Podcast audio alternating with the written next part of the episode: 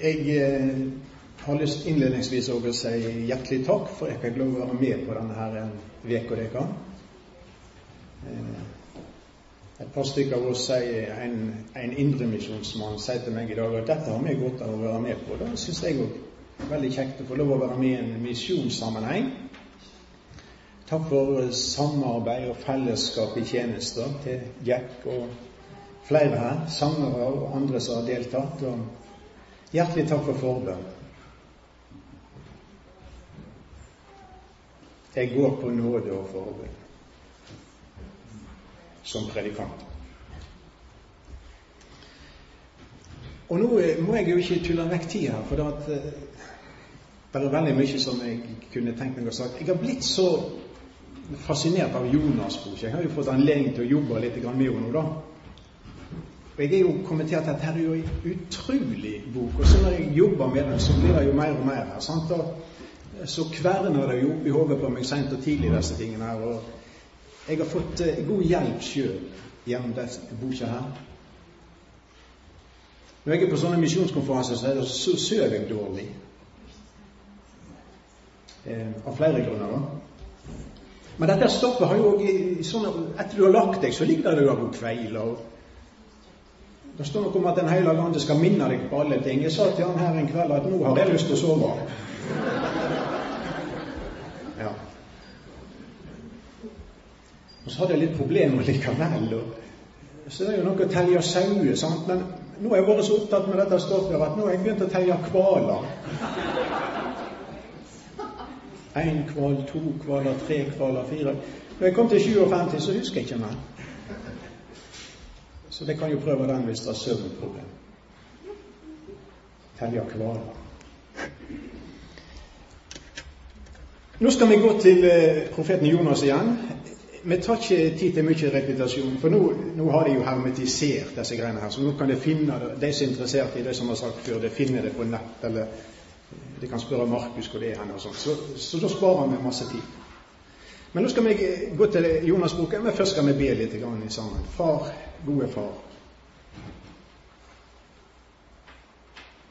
Jeg takker deg fordi at vi får lov å påkalle deg. Du som kjenner oss. Du som vet behovene våre. Du som skjønner alt. Så har jeg bare lyst til å legge denne stunden i din hånd. For Jesus skyld, gi oss det vi trenger.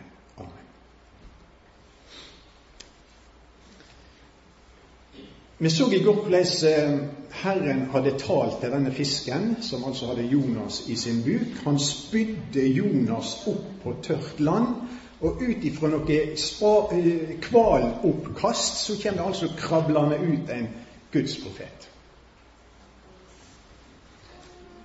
Ambulansen sto klar. Nei. Kriseteam det ser ut for at han klarte seg veldig bra i den situasjonen. Og det ser ut for at Jonas er helt uskadd. Ikke snakk om en, en haltende Jonas som nå får videre, altså, eller to ribbebein knekt, eller håndledd ødelagt, eller blodig. Og... Det ser ut som han er helt uskadd. Er ikke Gud suveren? Som kan oppbevare Han har fyren der altså på, på lukka avdeling i tre døgn som fiskemat, og så kommer han ut igjen, og så er han helt, helt flott.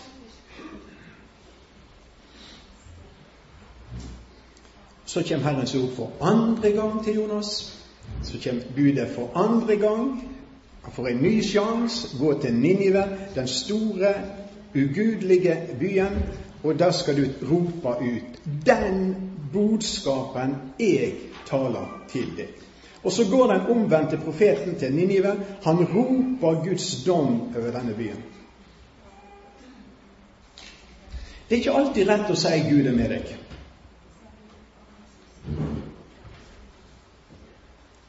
Du kan si Gud er kjærlighet i alle sammenhenger, men i mange sammenhenger bør du si noe mer. Jeg brukte et bilde i går om en mann som altså var bind for øynene, og så stumper han seg av gårde mot et stup. Du kan jo si Gud er glad i deg mot det evige mørket. Men du bør si noe mer, for det han trenger kanskje aller mest i den situasjonen, det er at du sier 'omvend deg'. så det ikke går evig galt med deg.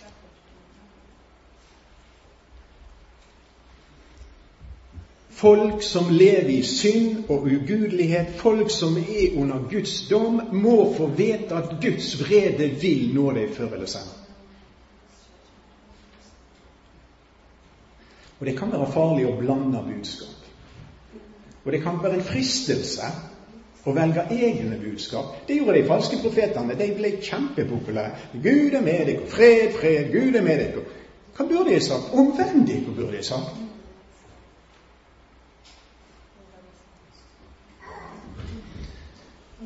Du kan ikke ta brevet altså brevet til Efesus-menigheten. Det skulle til Efesus. Brevet til Sardes skulle til Sardes. Men så tenker jeg å, denne Efesus ja, det, det, det, det, kjempe, det, det leverer vi Sardes. Det kan bli galt da. Altså Det er så viktig at med det budskapet jeg sier til deg, at det er det vi leverer og oss predikanter det, jeg sier det må be mye til Gud for oss at vi står i den forbindelsen da, at vi er der jo Herren, så Han får lov å si oss hva vi skal si til den forsamlingen, den personen, og i den situasjonen. Jeg kan ikke si alt er vel når du er død. Jeg kan ikke si det er kjempebra med deg når du er lunka. Det budskapet som jeg taler til. Og det er ingen som veit så godt som Gud hva folk trenger. Vel, så går altså Jonas til Ninive og eh, taler til denne byen. Og så sa jeg i går, hvis vi bare tar de der sju-åtte ordene, så er jo det verdens korteste vekkelsespreik. Og så skjer verdens største vekkelse. Og Jeg kan ikke skjønne de der tingene der. Men jeg ser bare sånn skjedde det den gangen. Men det er et unikt tilfelle. Det er helt spesielt, men det skjer. Det blir en kjempevekkelse, kapittel 3 og vers 10. Da når Gud så det de gjorde, at de vendte om fra sin vonde vei. Det er skikkelig omvendelse. I Jeremias, profeten Jeremias kapittel 3 der står det om en, omvend, en annen omvendelse. og Der er det Juda, altså Sørriket, der står. Og vet du hva Gud sier om det? Altså, De vendte om, men ikke på en rett måte. Det var som skrømt. En omvendelse som på skrømt. Altså, det er jo nesten så nynorsk at det er gresk Men altså, det var ikke sann omvendelse. Det var en falsk omvendelse. Det var en gal omvendelse, det var en løgnomvendelse. Og så må Gud ta oppgjør med et folk som omvender seg, men de omvender seg ikke med hjertene sine. Men i Ninive ser det ut som det er skikkelige greier. Til og med Jesus sier det at de omvendte seg. De vendte om. En enorm respons på den forkynnelsen de hørte av profeten Jonas. Det forandrer hele livet deres, hele framtida deres. Gud legger ikke Ninive i grus. Han lager et nytt folk der. Og alle jubler. Spesielt superpredikanten Jonas. Han. Amitaiso i fyr og flammer. Kaller inn til misjonsfest. Takk og tilbedelse. Lovsangsfest. Eller kanskje var han så opptatt seint og tidlig med alle de nyomvendte. Nå går vi til kapittel fire, og jeg må si kapittel 1 er altså mektig. Kapittel 2 er mektig. Kapittel 3 er mektig. Men kanskje jeg er aller mest fascinert av kapittel fire. For der står det men det Altså, nå har alt, alle vendt om, og Gud sparer byen. Men det likte, tykte Jonas svært ille om, og han blei hard. En by som er spart ifra Guds dom. En profet som har virka og tjent Gud, er sint han er harm. Han misliker at denne byen er spart. Er det mulig? Altså, Jeg, jeg, jeg fikk nesten sånn, sånn, sjokk når jeg første gang leste dette. Gud var ikke sjokka.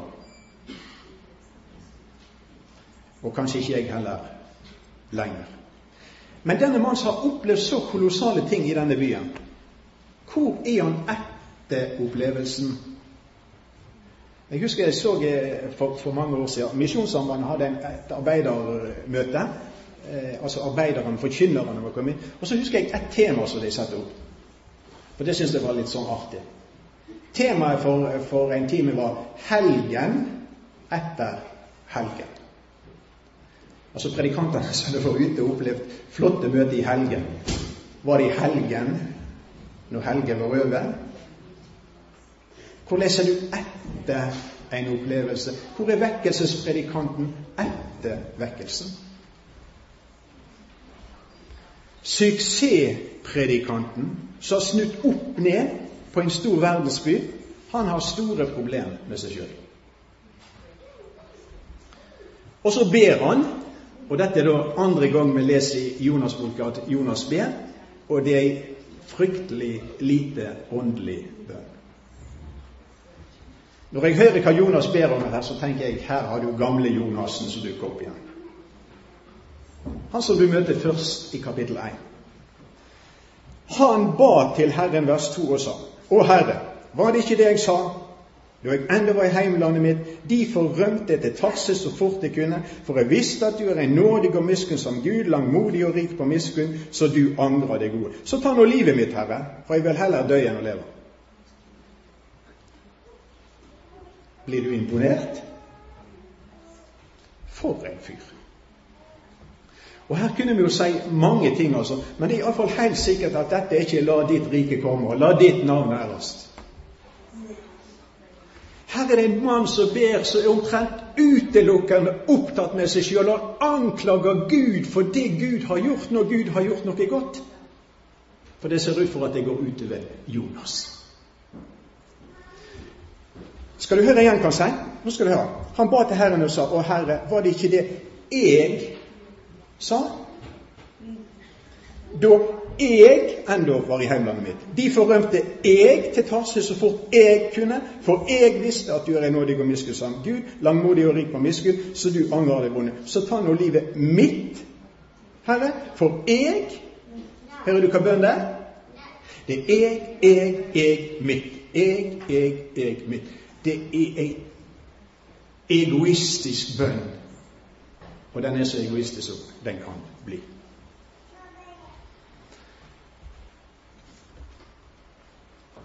Jeg visste. Ja.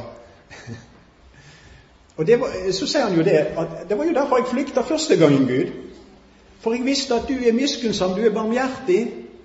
Og du kommer til å spare disse folkene, kanskje. Det var derfor jeg flykta. Men jeg tror ikke han var helt sikker. Men i alle fall så misliker han noe veldig sterkt det som Gud har gjort. Og nå setter Jonas tilbake igjen som svarteper. Det han hadde ropt ut skulle hende, det hendte ikke. Den dommen som hadde han forkynt, den kom ikke. Jeg tror Jonas er stolt, Jonas er ærekjær, og dette er noe så tøft at han vil heller dø enn å leve. Han er i en ynkelig forfatning. Det er vel ingen av dere som har Jonas-stoff i deg. Du er vel alltid åndelig og skikkelig, ikke det? Selv om det går utover ditt navn og de ære.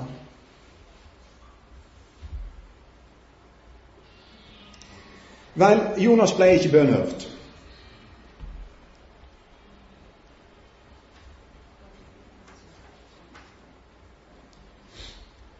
Og så leser jeg om en Gud som ikke hiver han ut av sitt rike, selv om det er ny stryk. For han stryker nå. Han blir ikke dumpa, selv om han ikke har bestått. Han har ikke fått sin siste sjanse, ser ut for. Herren har ikke fått nok av denne fyren. Tabbekvoten full? Nei, det ser ikke sånn ut. Avskjed i unåde? Nei. Han kunne jo lagt han i grus, sånn som han tror han må legge Ninive i grus, når han altså nå oppfører seg sånn som nesten er utenkelig. Nå skal du være med meg til vers fire. Nå har han bedt om å få dø. Han føler han er en fjoskopredikant. Og så står det 'Men Herren sa'. Er det med rette du er så hard? Men Herren sa. Herren er visst ikke ham. Gud er visst ikke sint. Denne ordlyden den, den minner meg liksom om, om, om, en far som liksom tar gutten sin opp på fanget og så Nei, men Jonas, hør nå her. Kjenner du han? Når du har tabba deg, når du har svikta Gud, ble du kasta ut av Hans rike. Sa han deg opp? Du hadde kvalifisert deg til å ikke fortjene han Hva gjorde han med det? Ja, jeg har iallfall opplevd det. Så har tatt meg opp på fanget sitt. Og ok, hør nå her.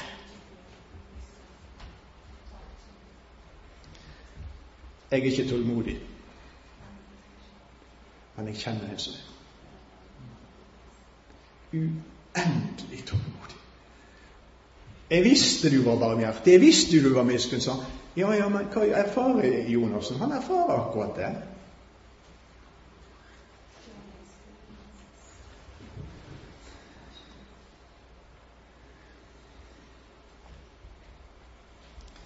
I vers 5 så kommer det en liten eh, historie, eller flere detaljer fra den historien. Jonas hadde gått ut av byen og hadde sett seg for ham. Der hadde han laga seg ei lauhytte og satt i skuggen under henne for å se hvordan det gikk med byen. Jeg tror ikke han er helt sikker hvor dette kommer til å ende. Eh, selv om han sier jo noen ting her, altså, så, så, så, ser det ut for at han, han er litt usikker. Og så lager han seg en sånn flott tribuneplass. da, og så skal han ha en skikkelig show her. Nå skal han eh, i, i, i, se på disse tingene som nå kommer til å skje med Ninive. Action regner han sikkert med. Og Hvis han hadde vært i våre forhold, så hadde han sikkert hatt en cola og litt chips der, og så satt han og nå skal vi se hva som skjer med Ninive. Innreder seg, topp utsiktsplass, og så skal han følge med. Så står det i vers 6. Da lot Herren Gud et kikajontre vokse oppover Jonas for å kaste skugge over hodet hans, så han kunne bli kvitt mismodet sitt. Og Jonas hadde stor glede av kikajontreet. Hva, hva tilstand er han i? Han er mismodig i denne situasjonen. Og så så jeg at det der ordet som her er mismot, det er altså et ord som har i rot som betyr vond. Og det er det samme ordet som brukte Jonas 1,2 om Ninive. Altså Gud taler om vondskapen i Ninive. Det samme ordet er brukt om Jonas her. Altså Det er faktisk noe i Jonas nå som ligner på Ninive.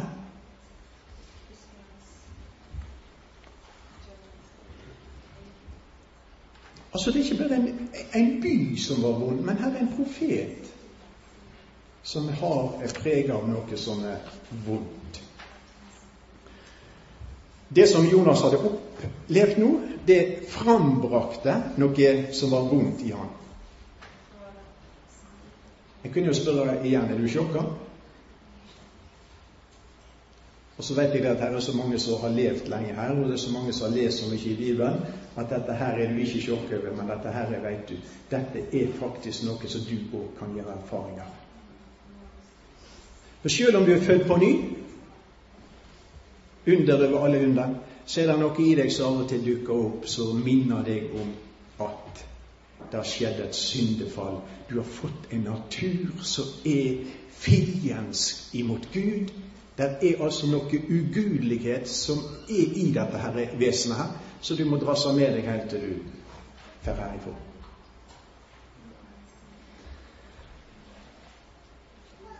Nyfrelste har blitt sjokka når dette her dukker opp.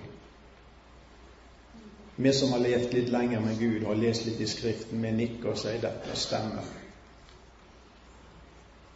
Og så sier jo Bibelen en hel del om hvor du skal forholde deg til det gamle og til kjøtt og det ting. Det har ikke vi tid til å ta i dag. Men det er òg herlig frigjørende sannheter til Guds folk. Og jeg kan få si, Hvis du har vært på Golgata, så har du sett Guds løsning på kjøttets problem òg. For der ble synden i kjøttet fordømt på Golgata. Så når kjøttet dykker opp her, så kan du henvise til Golgata og si til Satan ok, det, du har helt rett i det du anklager meg for, det er sånn, men Gud hadde det opp til behandling på Golgata. Og det er ferdig behandla. Så det skal ikke fordømme deg. Så er det jo ingen fordømmelse for de som er i Kristus Jesus, selv om det er en gammel, ugudelig natur å dra. Men denne her motløse Jonas som altså sitter nå i, i, i hytta si og, og, og, skal ha skikkelig action da, i, i Ninive, han bryr Gud seg om. Og så gir no, Gud noe for han fyren der, altså, så gjør han glad. Og det er jo så suverent, sa han. Da let Herren. Kikkajontre vokser opp. Er det noen som har kikkajontre hjemme? noen som hager med kikajontre. Jeg vet ikke hva tre det er. Jeg tror det er sånn lautre. da. Eh, det står vel litt andre I noen bibler står det vel òg en risinusbusk, tror jeg. Gjør ikke det? Ja. Eh, men jeg, jeg, har ikke det heller. Jeg, jeg bor på Osterøyma. Det sånn innlandsklima som ikke helt passer. Men eh, altså, i alle fall så tror jeg det skjer et kolossalt under. Altså, Gud let han vokse opp, og det har gått kjempefart, altså Jeg kunne jo godt hatt en sånn. Jeg er så utålmodig med dette. har, har passet flott meg. Så, så vekk så fort altså, at du bare sitter altså Voff! Og så skugge over dette hodet som tenkte så mye tull.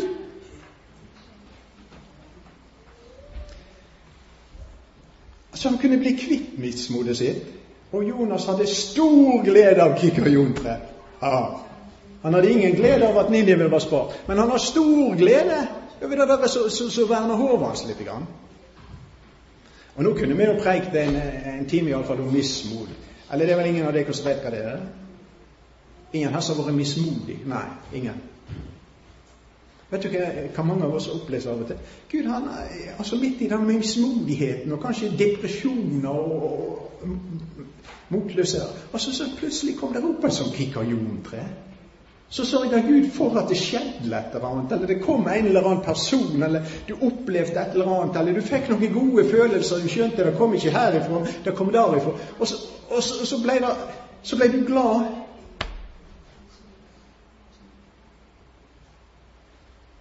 Kanskje det var et ord som var kikajontre?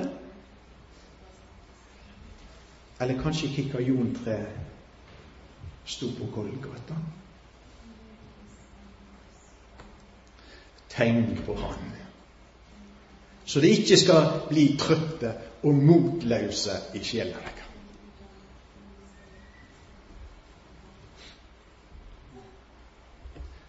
Vet du hva jeg har eh, overbevist om? Det er masse unødvendig motløshet blant Guds folk. Og der kikajontreet til Jonas der forsvant jo igjen, som vi skal se nå ganske kjapt. Men nå skal du høre, det er ett kikajontre som aldri forsvinner. Så du skal kunne regne med så lenge du er i denne verden, og så skal være med og prege evigheten vår. Og det er forbannelsestre på Golgata. Det er ingenting som kan gi oss mer mot i denne verden enn Han som døde for syndene våre på Golgata. Det er ingenting som skal prege evigheten mer enn Han som døde for oss på Golgata.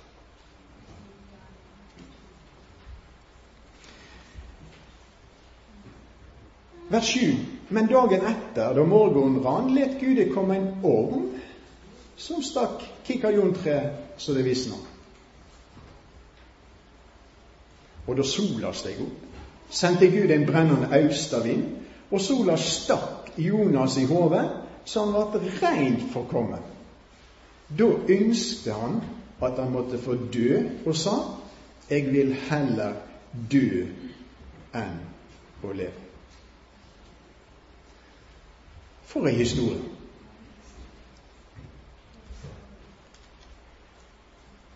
Denne første gleden til Jonas er altså noe kortvarig. For det er ikke Gud let det komme. Gud sender eller tillater en orm. Altså Når ormen kommer, altså, da er det som regel alltid trøbbel. Det er alltid noe negativt når ormer dukker opp. Fra første Mosebok og hele veien. Og så stikker den ormen dette treet, og så fluff! Så er det vekke, det som han gledde seg over. Og så kommer en brennende austavind. Så stikker sola, og så er han rein forkommen, og så ønsker han å dø igjen.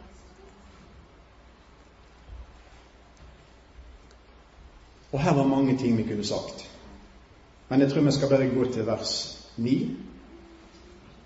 Når han igjen sier altså jeg vil heller dø enn å leve. Men Gud sa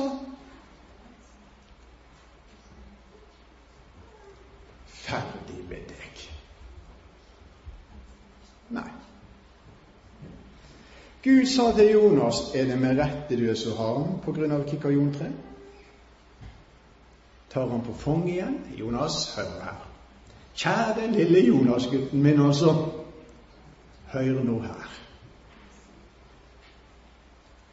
Jeg holdt på å si at han gadd å bruke tid på. For en tålmodighet. Og Jeg har sagt det før, jeg det. Jonas sin redning hele veien er ikke Jonas, det er Gud. Min redning hele veien er ikke meg, det er Gud. Så blir det en ny samtale, så kommer det et nytt spørsmål, så blir det en ny omsorg. Og så kommer vers 10, da sa Herren, du har medynk med kikajontre, som du ikke har hatt noe strev med, og ikke har fått å vokse. På én natt ble det til, og på én natt ble det ødelagt. Skulle da ikke jeg ha medynk med Ninive, den store byen? Den er mer enn tolv ganger 10 000 mennesker som ikke veit å skilje mellom høyre og venstre, og en mengd med dyr. Hva er dette? Det er en åpenbarelse av et hjerte. Og det et åpenbarelse av et hjerte som er helt ulikt Jonas sitt hjerte. Et hjerte som lir over mennesket som er i synd og ugudelige, og det er Guds sitt hjerte. Og så bruker han altså dette kikajontreet og denne sola den vinden for å undervise Jonas om disse tingene her. Og hør her, min kjære venn, det er så viktig at du og jeg veit hvordan Guds hjerte er, og det er så viktig at det sinnelaget som er i Kristus, som vi har hørt om før i dag, at det får lov å være i oss. At jeg kunne ligne litt grann på han som behandla Jonas her. For en Gud! Og det tenker jeg ofte når jeg leser Jonas' på. For en Gud! Altså, skal vi repetere bare lite grann? Han som sendte stormen, er ikke det suveren? Han som stilte havet, er ikke det suveren? Han som styrte fisken eller hvalen? Han som fikk fisken til å avlevere Jonas? Kikajontreet som han lett vokse opp? Ormen som han lett komme? Austavinden som han lett blåse? Ser du hvor hvor Gud har kontroll. Se du hvor suveren han er. Gud i himmelen, han er Gud på jordet, han er Gud i havet, han er Gud i planteriket, han er Gud i dyreriket. Alt har han kontroll på. Men det som kanskje er det største, iallfall for meg, det er altså hjertet hans for en uskikkelig tjener. En vanskelig type.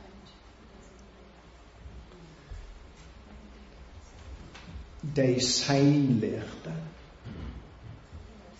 tar Gud god tid til å lære.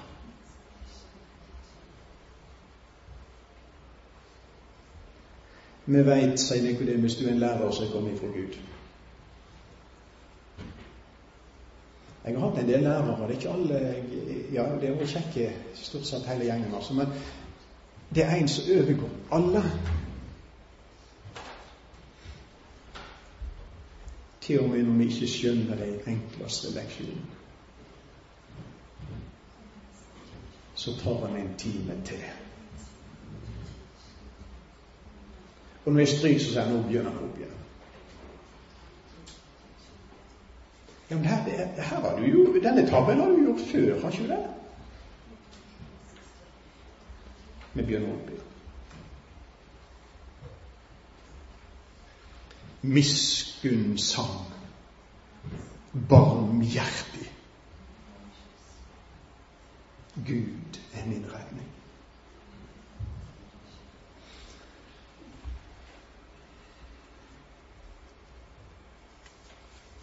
Når jeg snakker om, om, denne nådige Gud, så håper ikke, jeg tror ikke det heller for så vidt, at det virker at vi tenker ok, du er ikke så nøye, da.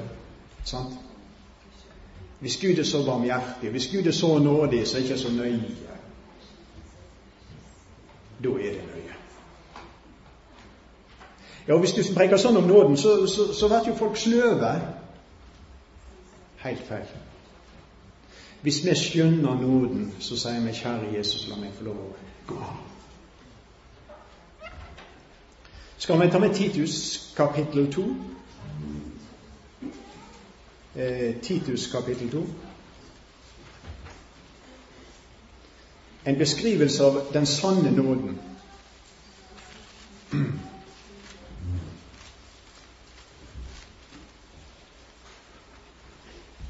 Og Der står det i vers 11.: For Guds nåde er åpenbæra til frelse for alle mennesker.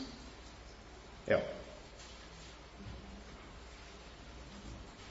Tenk på det neste gang du treffer din ugudelige nabo. Og så står det om denne nåden. Han oppseder eller opptukter oss til å fornekte gudløse og verslige lyster. Det er Ninive. Det er verden i dag. Det er sånn som de fleste lever. Det er idealet, det.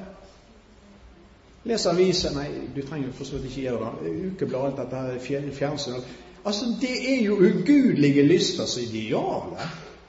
Og de som er skikkelig fri, det er jo de som alle skitten oss i dette her.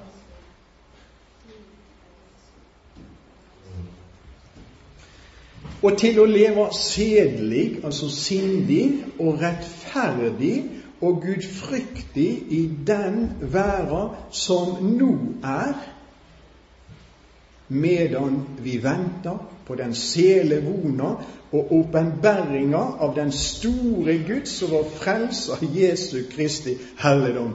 Hva er dette, folkens? Vi lever i advent. Adventstid. Og mens vi venter, så skal livene våre altså være kontrastliv til våre omgivelser. Hvor kan det skje? Guds nåde, skriver Paulus, oppseder oss til å fornekte. Nåden gir at jeg sier nei.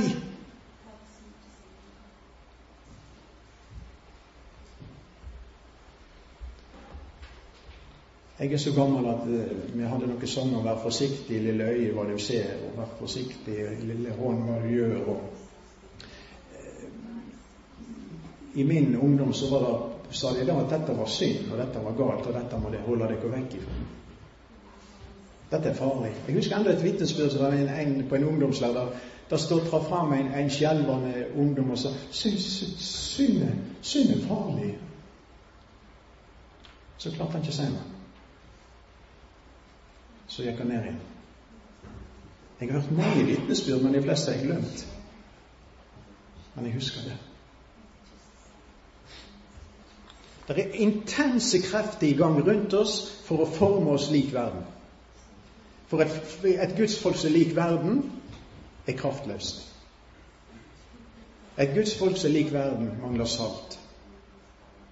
Et gudsfolk som er lik verden, har svikta sitt kall. Hva hjelper Guds nåde opptukter oss. Og så ser jeg altså en Jonas som ble behandla i nåde.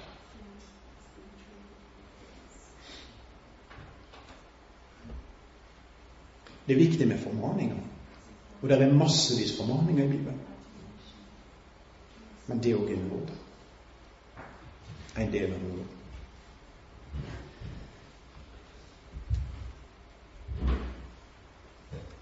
Vel, la dette sinnelag være i dere som var i Kristus Jesus. Kontrasten annerledes. Jeg skal gå mot avslutning, men jeg må si noen få ting til. Jeg regner med det er ikke løst verken på kaffe eller middag. Så vi skal ta hensyn til det. Eh, men jeg, jeg tenker litt når jeg leser Jonas' bok Hvordan gikk det med Ninive seinere? Hva skjedde videre med denne byen og dette folket? Det ser jo ut for da nå altså Jeg har ikke studert dette nok, så det, jeg må sjekke det sjøl. Jeg må ikke tro meg. helt på seg. Kontrollere det sjøl. Men det ser ut for meg at ca. 40-50 år etter denne vekkelsen med, med, med, Jonas, så blir asyrerne, der nå Ninive blir hovedstad, så blir de altså et redskap for Gud til å tukte folket sitt Israel. Og Det hadde vært en trussel før òg, og kanskje var derfor Jonas var så sint når Gud sparte det. For, for, for, for Asyria og Ninive det var en trussel politisk og militært imot Israel. Og det var profeter som hadde sagt det og advart imot Asyria. Og så skal han mannen reise inn til fiendefolket og stelle seg sånn at de blir spart. Det måtte være en kjempefordel at de blir utrydda. Jonas hadde jo peiling på disse tingene. sant? Og Ifølge hans teorier så var det jo supert om Gud utrydda hele Ninive. Gud gjorde ikke det. Kanskje derfor han ble sint. Eller ett av poengene. Men seinere, altså, så kommer dette folket, og så bortfører de Nordriket til Asyria. Og så ser det ut for at etter hvert så vender dette folket tilbake igjen til ugudelighet. Og hvis vi nå hadde hatt veldig god tid, så skulle vi lest profeten Nahum, som jeg tror opptrer sånn ca. 630 før Kristus. Og den har tre kapitler, og alle de tre kapitlene er dom over Ninive. Så har du en annen profet som også opptrer omtrent samtidig. Han heter Sefanya. Og han har òg en kolossal dom domsprofeti over Ninive. Og Ninive blei lagt i grus. Dommen tok de òg. Jeg tror det er år ca. 610. Medarkongen Kyaksares kjem og legger Ninive i øde, i ruin. Og til og med profeten Jesaja, kapittel 10, hadde talt om de tingene der. Var vekkelsen bortkasta? Nei. Vekkelse er aldri bortkasta. Og Da ser det ut for at denne byen han fikk ei nådetid som ble forlenga med 150 år ca. Jeg tror det blir mange i himmelen som Gud vant gjennom den perioden.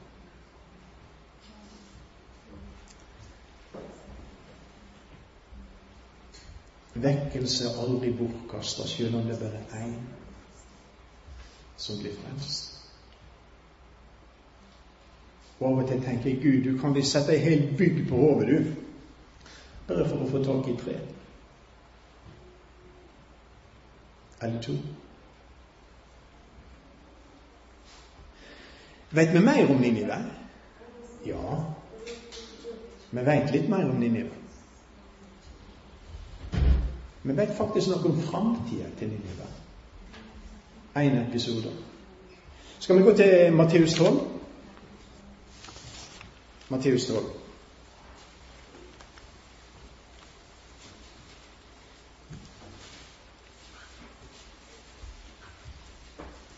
Jeg tror jeg leser fra vers 40, fordi eh, det har hengt så sammen med det som vi har nå snakket om. Eh, så sier Jesus, eller ta med vers 39, bonus, bonus. Vers 39. Men han svarer og sa til deg, ei vond og utru ett krev teikn, men noe annet teikn enn teiknet til profeten Jonas skal de ikke få. For liksom Jonas var tre dager og tre netter i buken på storfisken, så skal menneskesønnen være tre dager og tre netter i hjertet på jorda. Jeg har toucha det før, så det lar meg ligge nå. Og så sier han men fra Ninive skal stå fram i dommen sammen med denne slekta, altså jødefolket, jødeslekten, og fordømme henne. For de vendte om da Jonas forkynte for dem, og sjå, her er mer enn Jonas. Her har du framtid. Og så sier Jesus Gud er ikke ferdig med det. Så er folkene i Ninive ennå. De, de, de, skal gjøre ei gjerning til, eller de kan gjøre ei gjerning til. Og det er på dommens dag, så står jødefolket der. Og så trenger ikke Gud si et ord, han. Han kan bare hente fram noen vitner fra Ninive. Og de er et vitnesbyrd som kan forårsake at jødefolket blir dømt uten videre. Hvorfor det? Fordi at det kom en profet inn og vitna der. De fikk litt lys, og de reagerte på lyset. De omvendte seg. Jødefolk hadde hatt Jesus gående i tre år, tre og et halvt år. De hadde fått mye mer lys enn de i Ninive, og de sto imot. Lys, ansvar hører sammen. Ninive fikk litt lys, jødefolk hadde fått mye mer lys. Ninive reagerte, jødefolket reagerte ikke sånn som de burde. Altså dette er folk fra Ninive kan bli vitne imot jødefolket. Til dom for dem. Og nå skal jeg si én ting til. Hva skal vi si om folk i Norge? Vi skal si den ting vi har fått mye mer lys enn jødefolket fikk.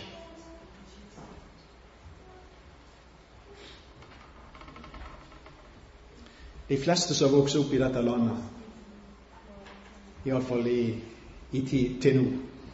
De har hørt mye mer forkynnelse enn folk hørte på Jesus i tid. For det var ingen der som hadde en bibel med 66 bøker, sånn som vi har. Det var ingen som kunne gå inn på nett og høre forkynnelser. Det var ingen som kunne skru på radio og høre på, på preiken. Det var ingen som kunne gå på, på, på, på samlinger som det her og få hele Guds råd utlagt. Stakkars det norske folket som står framfor Gud en dag. Og så kan Gud bare kalle fram deg fra Ninive, og så skjønner de vi er fortapt.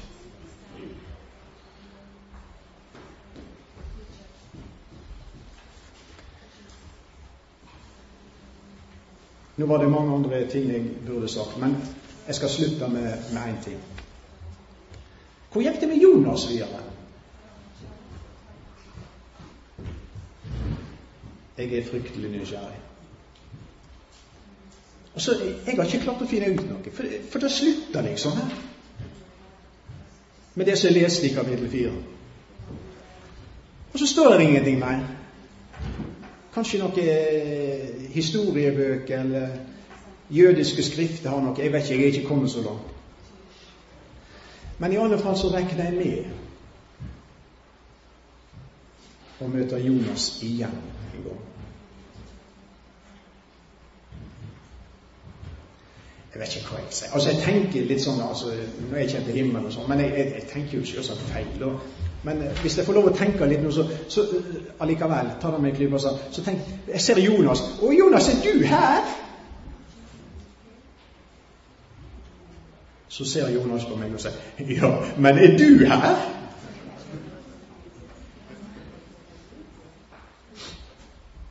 I så fall så vil jeg gå bort, og så, og så vil jeg legge armen rundt Jonas og si jeg er av akkurat samme grunn som deg.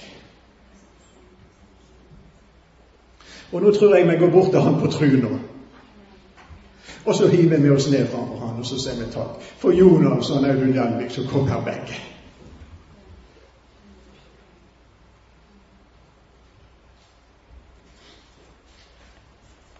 Vet vi mer?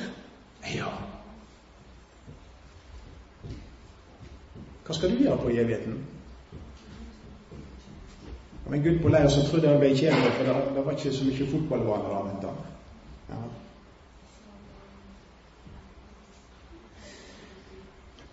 Skal vi ta programmet til slutt? Evighetsprogrammet.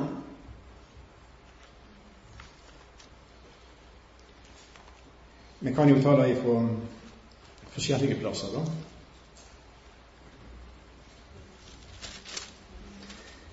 Jeg, eh, jeg glemmer til å bli superpredikant. Jeg har ikke fått til ei preike sånn som jeg burde.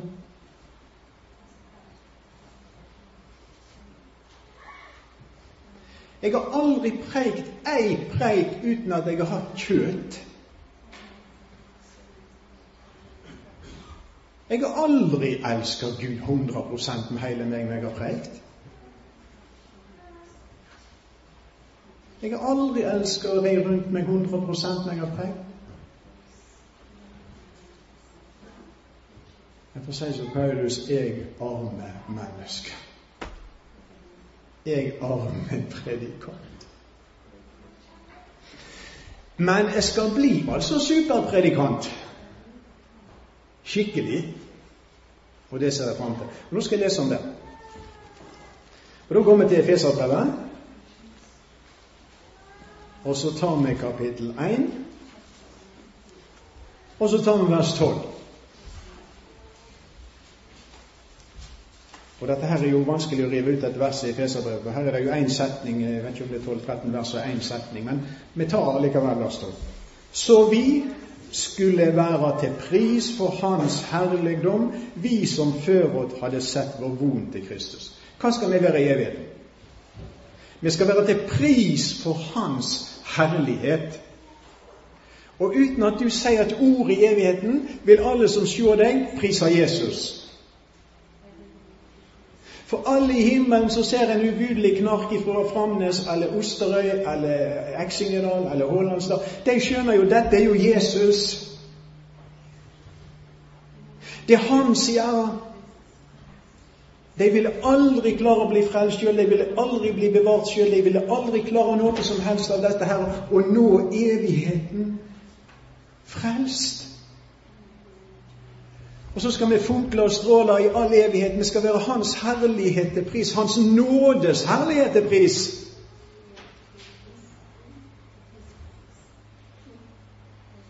Det er suverent.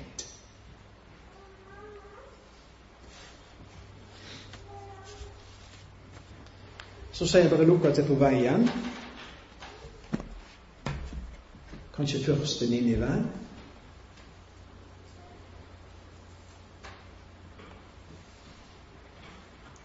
Og det der shoppinglivet i Tarsis, det er ikke noe. Apekattene og påfuglene i Tarsis, det, det er en annen herlighet.